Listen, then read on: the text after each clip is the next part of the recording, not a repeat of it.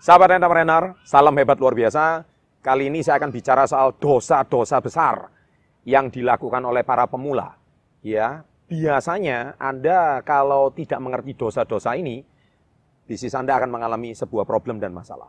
Apa saja? Jadi topik saya kali ini tiga dosa besar para pengusaha pemula.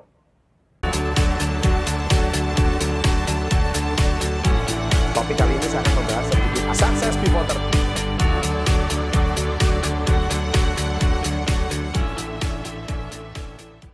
Baik, jadi sebetulnya kok bisa sih Pak? Ya, benar. Karena banyak pengusaha pemula, mereka itu tidak paham kalau mereka itu melakukan sebuah kesalahan, bahkan melakukan sebuah dosa yang tidak sepatutnya dilakukan oleh pengusaha-pengusaha pemula. Nah, biasanya pengusaha pemula itu mereka tidak sadar kalau mereka itu membangun usaha, tapi itu tujuannya eh, apa? Saya nggak tahu motivasinya. Apakah Anda termotivasi jadi pengusaha karena untuk ya sekedar mau ya kalau jadi pengusaha itu enak, jadi pengusaha itu bebas waktu, bebas finansial, ya kan tidak diatur-atur oleh bos, tidak terikat. Ya, apakah cuma Anda melihat sisi-sisi positif dari pengusaha? Nah, kesempatan kali ini karena sebagai pemula, Anda tidak tahu itu ada dosa-dosanya. Ya, yang pertama adalah dosa pertama adalah Anda terlalu profit oriented, bukan value oriented. Nah, jadi gini, nggak salah sih Namanya usaha itu memang harus profit. Namanya usaha itu harus untung. Tetapi Anda menempatkan profit di atas segala-galanya. Ya, sehingga Anda tidak meletakkan value di atas segala-galanya. Nah, padahal kalau usaha itu mau berjangka panjang, value-value apa yang Anda bisa berikan pada orang lain? Value yang Anda bisa berikan pada karyawan Anda, value yang Anda bisa berikan pada company Anda, value yang Anda bisa berikan pada produk Anda, value yang Anda bisa berikan pada customer Anda, value nilai tambah apa yang Anda bisa berikan kepada reseller Anda, value yang bisa Anda berikan pada distributor Anda, value yang bisa Anda berikan pada reseller Anda. Nah intinya Anda selalu memberikan value, memberikan value, ada kata memberi, memberikan value pada orang lain. Jadi Anda di sini jangan terlalu memikirkan ego atau memikirkan kepentingan diri sendiri. Kalau Anda terlalu mementingkan kepentingan diri sendiri, profit oriented, besar kemungkinan usaha Anda tidak akan berjangka panjang.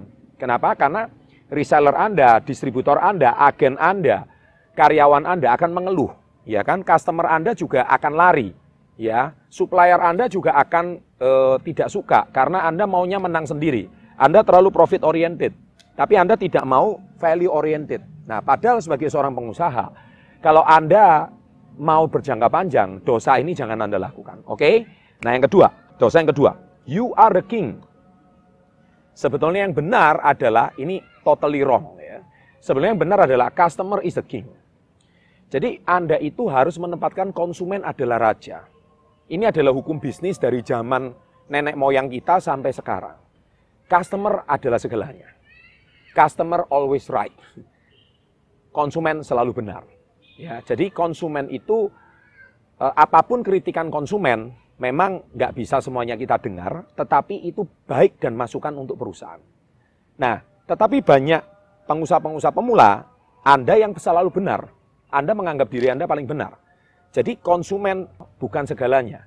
Jadi ketika Anda itu ada konsumen datang, pembeli ke tempat Anda, ya kan Anda tidak melayaninya dengan baik, tapi Anda mau diperlakukan yang baik. Anda merasa pemilik usaha. Anda merasa Anda ini pemilik toko, pemilik bisnis sehingga Anda tidak e, menempatkan konsumen di atas segala-galanya. Padahal saya mau beritahu satu hal, bisnis apa pun tidak akan pernah bisa hidup tanpa konsumen. Apalagi konsumen yang setia, konsumen yang loyal.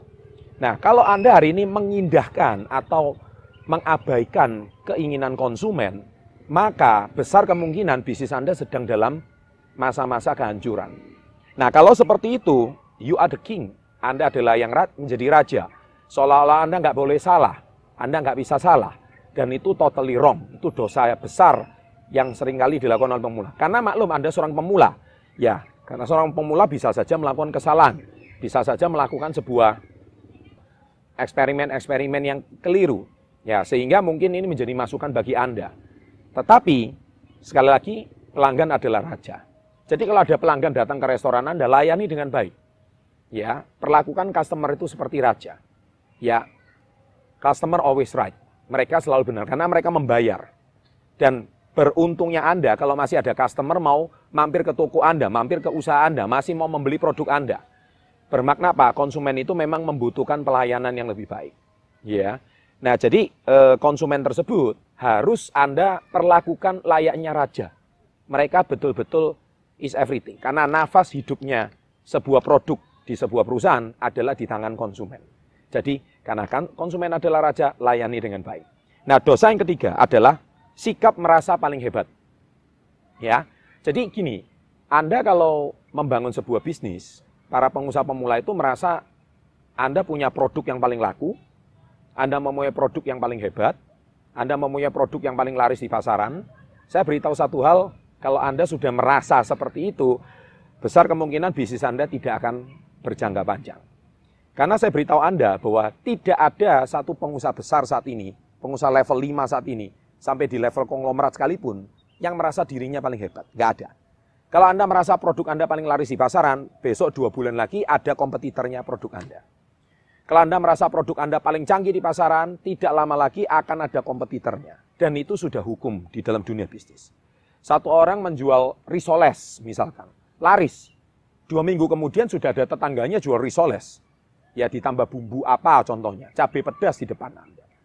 Nah, kalau Anda sudah merasa bebek Anda paling enak di kota Anda, besok ada orang jual bebek yang lebih enak lagi, lebih empuk lagi di depan Anda. Jadi itu sudah di dunia bisnis memang seperti itu. Kalau Anda merasa diri Anda paling hebat, dan Anda hari ini tidak mau belajar dari kompetitor Anda, Anda tidak mau belajar dari kesalahan Anda, Anda tidak mau belajar dari masukan konsumen Anda, maka besar kemungkinan bisnis Anda akan mengalami kehancuran. Bahkan tidak perlu sampai lima tahun. Mungkin jangan-jangan dua tahun sudah habis. Karena Anda merasa paling hebat.